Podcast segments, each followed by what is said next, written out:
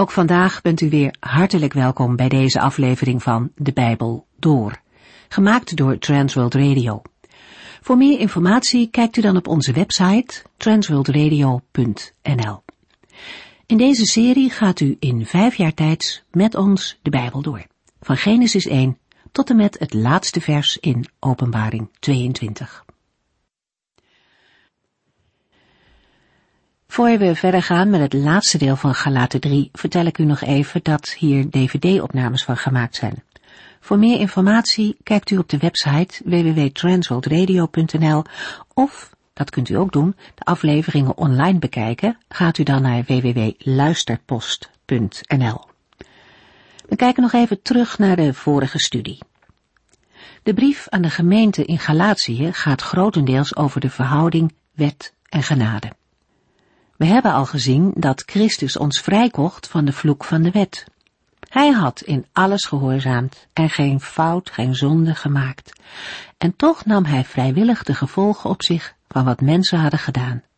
Hij stierf aan het kruis. En het resultaat is dat de zegen van God nu voor alle mensen beschikbaar is. Bovendien heeft hij ook de Heilige Geest gegeven om gelovigen te leiden, te troosten, te leren en nog veel meer.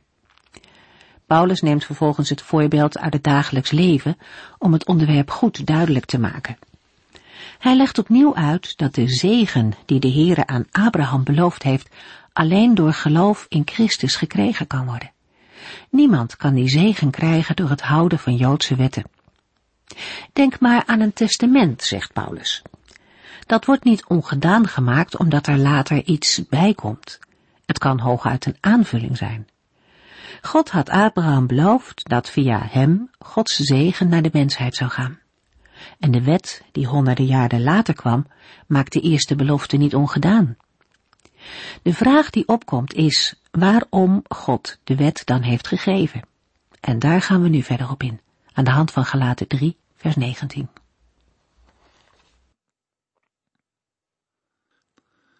In de vorige uitzending heeft de apostel uitvoerig stilgestaan bij de functie en het doel van de Joodse wet. In Gelaten 3 vers 19 hebben we gelezen dat de apostel vraagt, waarvoor dient de wet dan? Die is later ingevoerd om duidelijk te maken dat er zonde is. De wet zou alleen maar gelden, zolang de nakomeling er nog niet was die God beloofd had. God heeft de wet door engelen aan Mozes gegeven, voor het Joodse volk. Als de wet na de belofte is gekomen en aan die belofte niets toe of afdoet, is het begrijpelijk dat de vraag opkomt, waarvoor dient de wet dan? Als Paulus geen afdoende antwoord geeft op deze vraag, zal bij de lezer toch de indruk blijven hangen dat de apostel zich te gemakkelijk van de wet heeft afgemaakt. De wet heeft geen invloed op de belofte van de Heer aan Abraham. Maar als de wet niet betekent wat zij lijkt te betekenen en wat ook de gelovigen uit Galatië van haar dachten, dan kan het niet anders dat de vraag aan de orde moet komen waartoe de wet dan wel door de Heer is gegeven. Het eerste wat Paulus aangeeft, vinden we ook in Romeinen 5 vers 20. Toen de wet van God erbij kwam, om aan te tonen dat geen mens zich aan Gods geboden zou houden, namen de overtredingen toe. Maar hoe de zonde ook toenam, Gods genade nam nog veel meer toe. De wet van God is erbij gekomen om aan te tonen dat de hele wereld schuldig is tegenover God. Romeinen 3 vers 20. Ook al houdt men zich aan de wet, dan nog gaat men voor God niet vrij uit. Het enige wat de wet doet, is de mens bewust maken van zijn zonde. En in Romeinen 4 vers 15, als de wet overtreden wordt, volgt daarop straf. Maar als er geen wet is, kan die ook niet overtreden worden. De wet werd gegeven vanaf Mozes tot de komst van Christus. Want Mozes heeft ons ooit de wet gegeven, maar Jezus Christus bracht ons genade en waarheid. Het is belangrijk om te zien dat de wet tijdelijk was, totdat Christus was gekomen. Gelaten 3 vers 20 Maar toen hij zijn belofte aan Abraham gaf, deed hij dat zonder tussenpersoon. Het gaat Paulus om de verhouding van de wet tot de belofte. Die wet is via een middelaar, Mozes, gegeven. Uit de positie van Mozes, die tussen God en het volk instond om de wet door te geven, blijkt hoe het met de wet is gesteld. De wet kan alleen vervuld worden als het volk meewerkt en doet wat de wet vraagt. Bij de belofte is het anders. Er is maar één partij. Het is alleen de Heere die belooft en de belofte geeft. Bij een middelaar horen in ieder geval twee partijen. Daarbij moet de mens zelf tot zijn heil bijdragen. Hij moet zich aan de wet houden. Maar de wet heeft alleen de mens in zijn onmacht geopenbaard. Zijn verzet tegen God zelfs tot volle ontplooiing gebracht. Bij de belofte is dat anders. Eenzijdig heeft God zijn heil toegezegd. Voor de realisering daarvan is hij van geen tweede partij afhankelijk. Hij is één. Hij is ook de enige van wie alles afhangt. Dat maakt de belofte van God tot een betrouwbare weg tot het heil. Gelaten 3 vers 21. Zijn Gods wet en Gods belofte dan met elkaar in tegenspraak? Nee, natuurlijk niet. Als er een wet zou zijn die leven kon geven, dan zouden we ook wel door een wet uit de greep van de zonde kunnen komen. Gods wet en Gods belofte zijn niet met elkaar in tegenspraak. Als er een andere manier was geweest om zondaars te redden, zou de Heere die manier zeker hebben gebruikt. Als hij een wet had kunnen geven waardoor zondaars gered konden worden, zou de Heere dat hebben gedaan. We zullen er dan ook niet vanuit onszelf achter kunnen komen of we via de wet tot een leven met God kunnen komen, maar alleen uit Gods woord zelf, door Jezus Christus. Gelaten 3 vers 22 Maar volgens de boeken is alles in de macht van de zonde, zodat de enige manier om Gods beloofde heil te krijgen, het geloof in Jezus Christus is. Niemand is rechtvaardig voor God. De wet is gegeven om het totale bankroet van de mensen duidelijk te maken en te effectueren. Buiten Christus staat ons leven volkomen onder de vloek van God. Er is maar één weg om van de heerschappij van de zonde bevrijd te worden. Die weg is de genadige en eenzijdige belofte van Gods vrijspraak in Jezus Christus. In hem wordt de mens gerechtvaardigd door zijn bloed en ontvangt hij of zij eeuwig leven. Deze vrijspraak van de Heer is voor een ieder die in Jezus Christus gelooft. De wet van de zonde kent geen verzachtende omstandigheden. De zonde is onbuigzaam, onverbiddelijk en onveranderlijk. Het oordeel staat vast. We lezen het al in het Oude Testament. In Ezekiel 18 vers 20. Degene die zondigt, is degene die sterft. Tegen Adam en Eva in de hof van Eden zei de Heere, je mag van alle bomen in de hof eten, maar niet van de boom van de kennis van goed en kwaad. Want als je daarvan eet, zul je zeker sterven. En als de Heer in Exodus 34 aan Mozes verschijnt, in de vorm van een wolk, en zijn naam uitroept, lezen we in vers 6 en 7, Heere, Heere, God, barmhartig en genadig, geduldig, groot in goedheid en trouw, die zijn goedheid aan duizenden betoont, die ongerechtigheid, overtredingen en zonde vergeeft. Maar de schuldige zal hij zeker niet als onschuldig beschouwen. De vloek van de wet, het oude verbond ligt over alle mensen. Over dat oude verbond zegt Paulus in 2 Corinthiërs 3 vers 7, toch begon het oude verbond, dat tot de dood leidde, met zo'n stralend licht, dat de Israëlieten het niet konden verdragen naar Mozes te kijken. Want terwijl hij hun de wet gaf, die zij moesten gehoorzamen, straalde zijn gezicht door de aanwezigheid van God. Maar dat was van voorbijgaande aard. Kan de wet leven brengen? Nee, want het doel van de wet was nooit om leven te geven. De wet werd gegeven om te tonen dat wij mensen schuldige zondaars voor God zijn.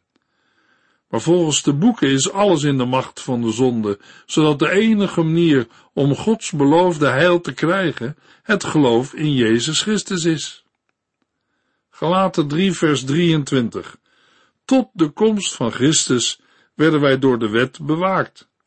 Wij leefden bij wijze van spreken onder het strenge toezicht van de wet, zolang wij nog niet wisten dat wij op Jezus Christus mochten vertrouwen.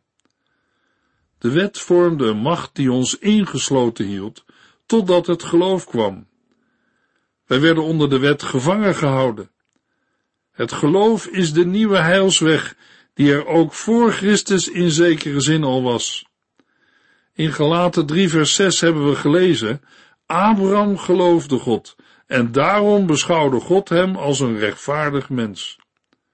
Toen, in het Oude Testament, was het geloof in de nog onvervulde belofte. Nu, in het Nieuwe Testament, als het geloof in de vervulling van die belofte in Christus. Het gaat hier om het komen van het geloof. Hier wordt met geloof de geloofsinhoud bedoeld waarop ons geloven gericht is, namelijk het heil in Christus. Christus is de grond van onze verlossing, niet ons tot geloof komen. Het heil waarin we geloven is eenzijdig van Gods kant naar ons toegekomen. Wie in de gevangenis zit, kan zichzelf niet bevrijden, maar wordt alleen bevrijd doordat de deur van buitenaf wordt geopend. Nu wij weten dat wij op Christus mogen vertrouwen, is alles anders. Gelaten 3 vers 24. Laat ik het anders zeggen. De wet was onze opvoeder totdat Christus kwam en wij door in hem te geloven recht voor God konden staan. Wat was dus de functie van de wet? De wet was een tuchtmeester, een opvoeder voor ons. We moeten het beeld van Paulus hierbij goed voor ogen houden. Een tuchtmeester of opvoeder was iemand die nog onmondige kinderen begeleidde op weg naar school en hen onder de duim moest houden, vaak met weinig zachtzinnige middelen. Het schijnt dat meestal slaven die voor weinig andere werkzaamheden deugden, deze niet zo best aangeschreven taak kregen toegeschoven. Paulus gebruikt het beeld in deze context uitsluitend negatief, om er de onvrijheid onder de zwaar geestelende hand van de wet mee aan te geven. Onze positieve gedachte bij dit beeld, de wet als pedagogische voorbereiding op de openbaring in Christus, past niet bij een tuchtmeester in die tijd en ook niet in het betoog van Paulus. De wet heeft buiten Christus alleen een dodende en een zonde vermeerderende werking. Zonder Christus leidt de wet alleen tot grotere gevangenschap en krijgt de zonde steeds meer macht over ons, zoals een tuchtmeester of een strenge opvoeder zijn pupil van vrijheid berooft. Tegelijk geeft het beeld van de tuchtmeester of opvoeder de tijdelijke beperktheid van zijn functie aan. God heeft de wet in deze functie ingesteld tot de komst van Christus, opdat wij nu uit geloof worden gerechtvaardigd. Deze rechtvaardiging uit het geloof werd niet door de wet bewerkt of voorbereid.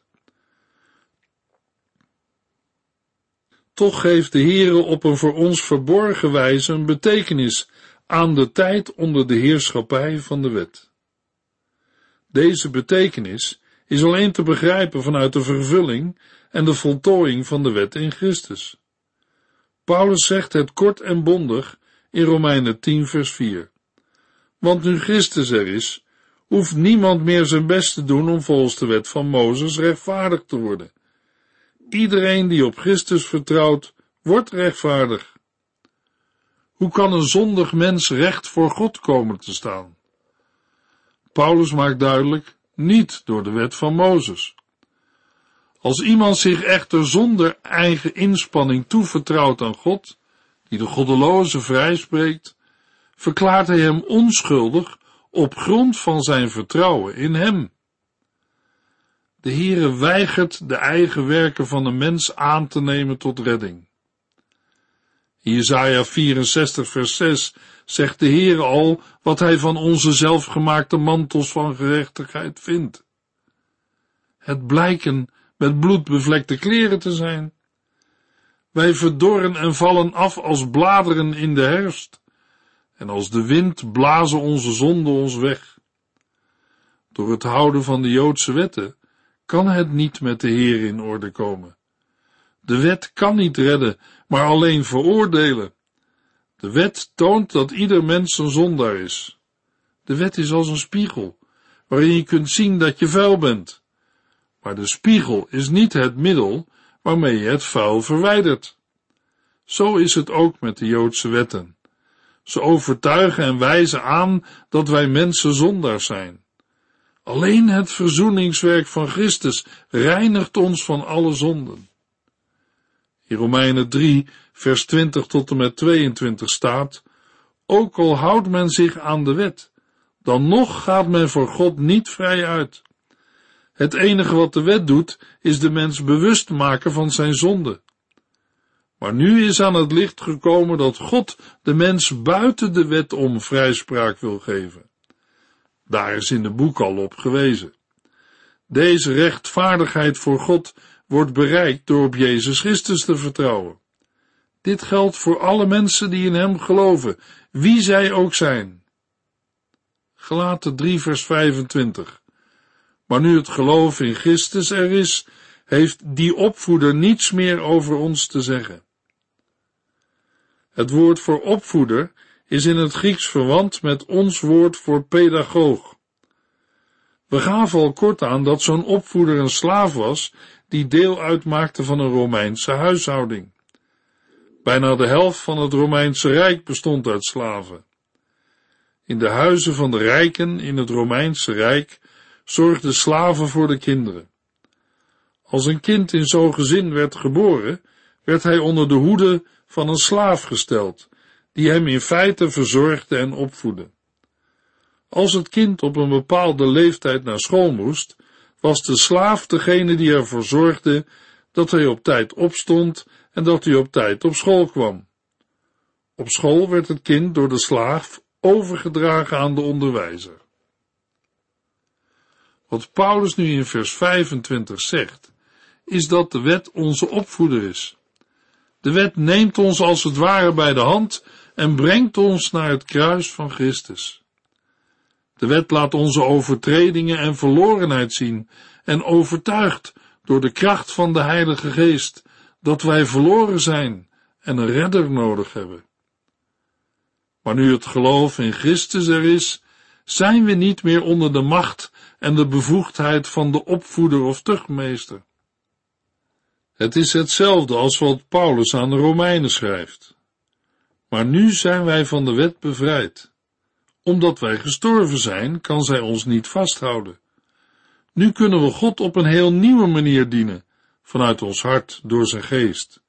En niet op de oude manier, door het naleven van wetten. Wij moeten onder de macht van de wet vandaan gehaald worden, doordat wij er voor die wet eenvoudig niet meer zijn. Dat kan alleen doordat wij met Christus sterven en zo met hem afsterven aan de macht van de wet, om door het vrijsprekende oordeel van God in een nieuwe schepping op te staan. Dan mag een gelovige door de Heilige Geest leven voor de Heere.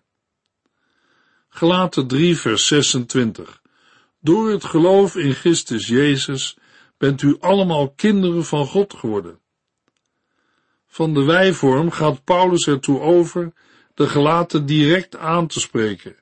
U allemaal, dat wil zeggen, zowel Joden als niet-Joden in de gemeente, zijn kinderen van God geworden. De uitdrukking kinderen van God geeft de vrijheid aan tegenover het beeld van de onvrijheid onder de tuchtmeester of opvoeder. Toen de gelaten nog onder de opvoeder, de wet waren, verschilden ze in niets van een slaaf.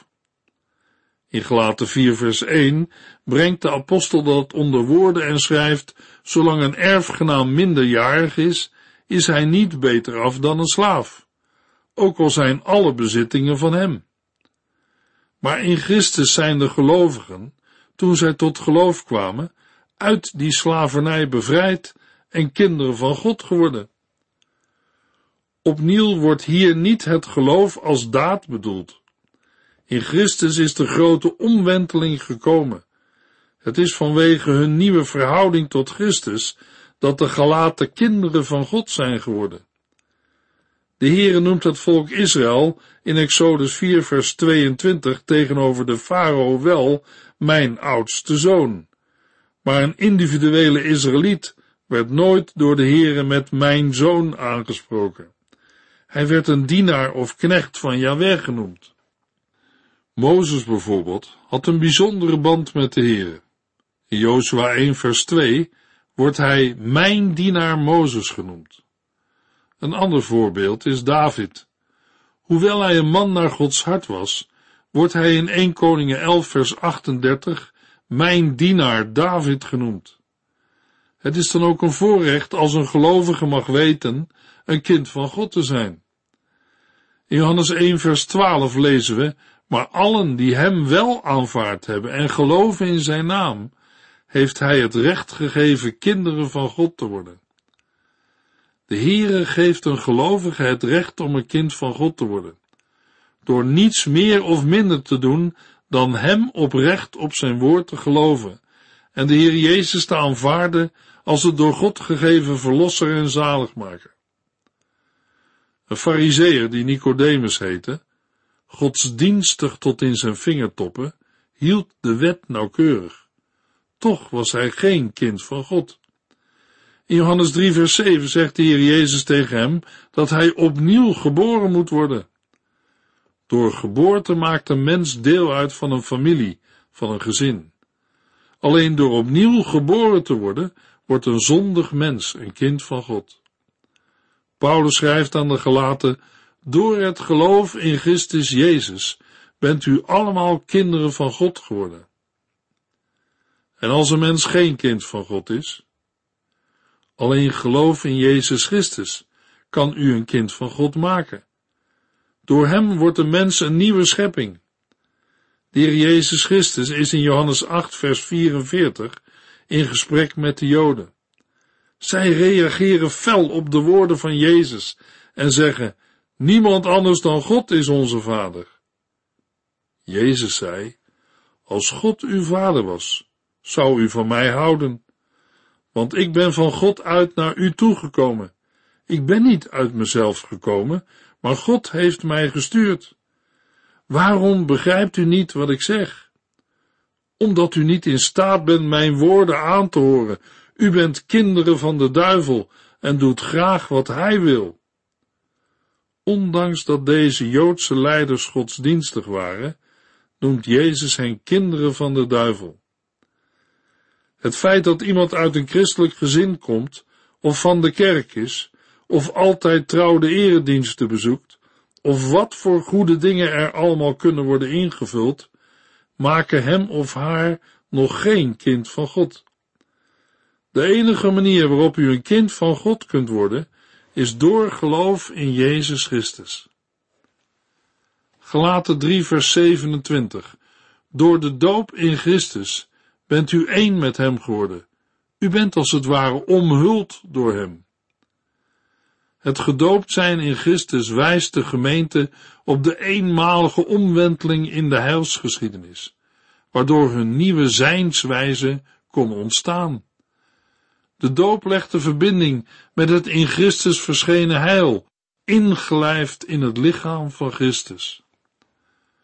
De doop wijst enerzijds op wat de Heere zelf in Christus voor de gelovigen heeft gedaan, nog voor hij zelf tot geloof kwam. De verlossing of het heil in Christus is er niet gekomen door ons persoonlijk geloven, maar doordat het geloof kwam als een eenzijdige daad van God. Anderzijds wijst de doop erop dat de Heer ons dit heil, deze nieuwe zijnswijze, persoonlijk wil laten toe-eigenen. Ook de omschrijving, u bent als het ware omhuld door hem, geeft dit aan. Paulus spreekt daarmee de taal van het Oude Testament.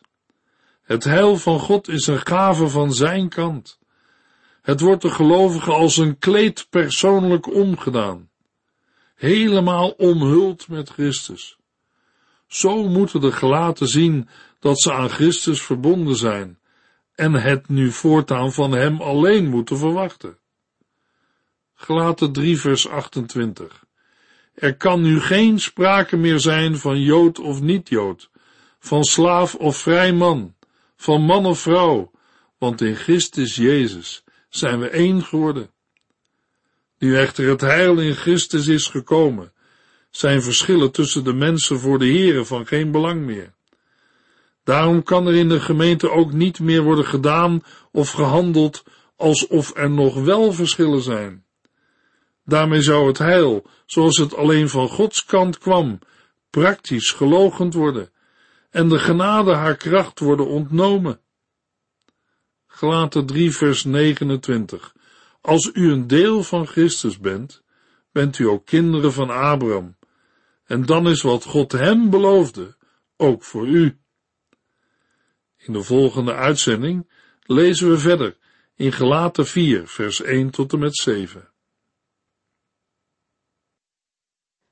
U heeft geluisterd naar De Bijbel Door, in het Nederlands vertaald en bewerkt door Transworld Radio. Een programma waarin we in vijf jaar tijd de hele Bijbel doorgaan. Als u wilt reageren op deze uitzending of u heeft vragen, dan kunt u contact met ons opnemen. Tijdens kantooruren kunt u bellen op 0342 47 8432 0342 47 8432. Ook kunt u een e-mail sturen naar de Bijbel door at transworldradio.nl en natuurlijk kunt u ook via de post ons bereiken. TWR, postbus 371, postcode 3770, AJ in Barneveld. Dit programma werd gepresenteerd door Cor Weda en Ike André. Techniek was in handen van Odin van Woerkom. En wij allemaal bedanken u voor het luisteren. Graag tot de volgende keer.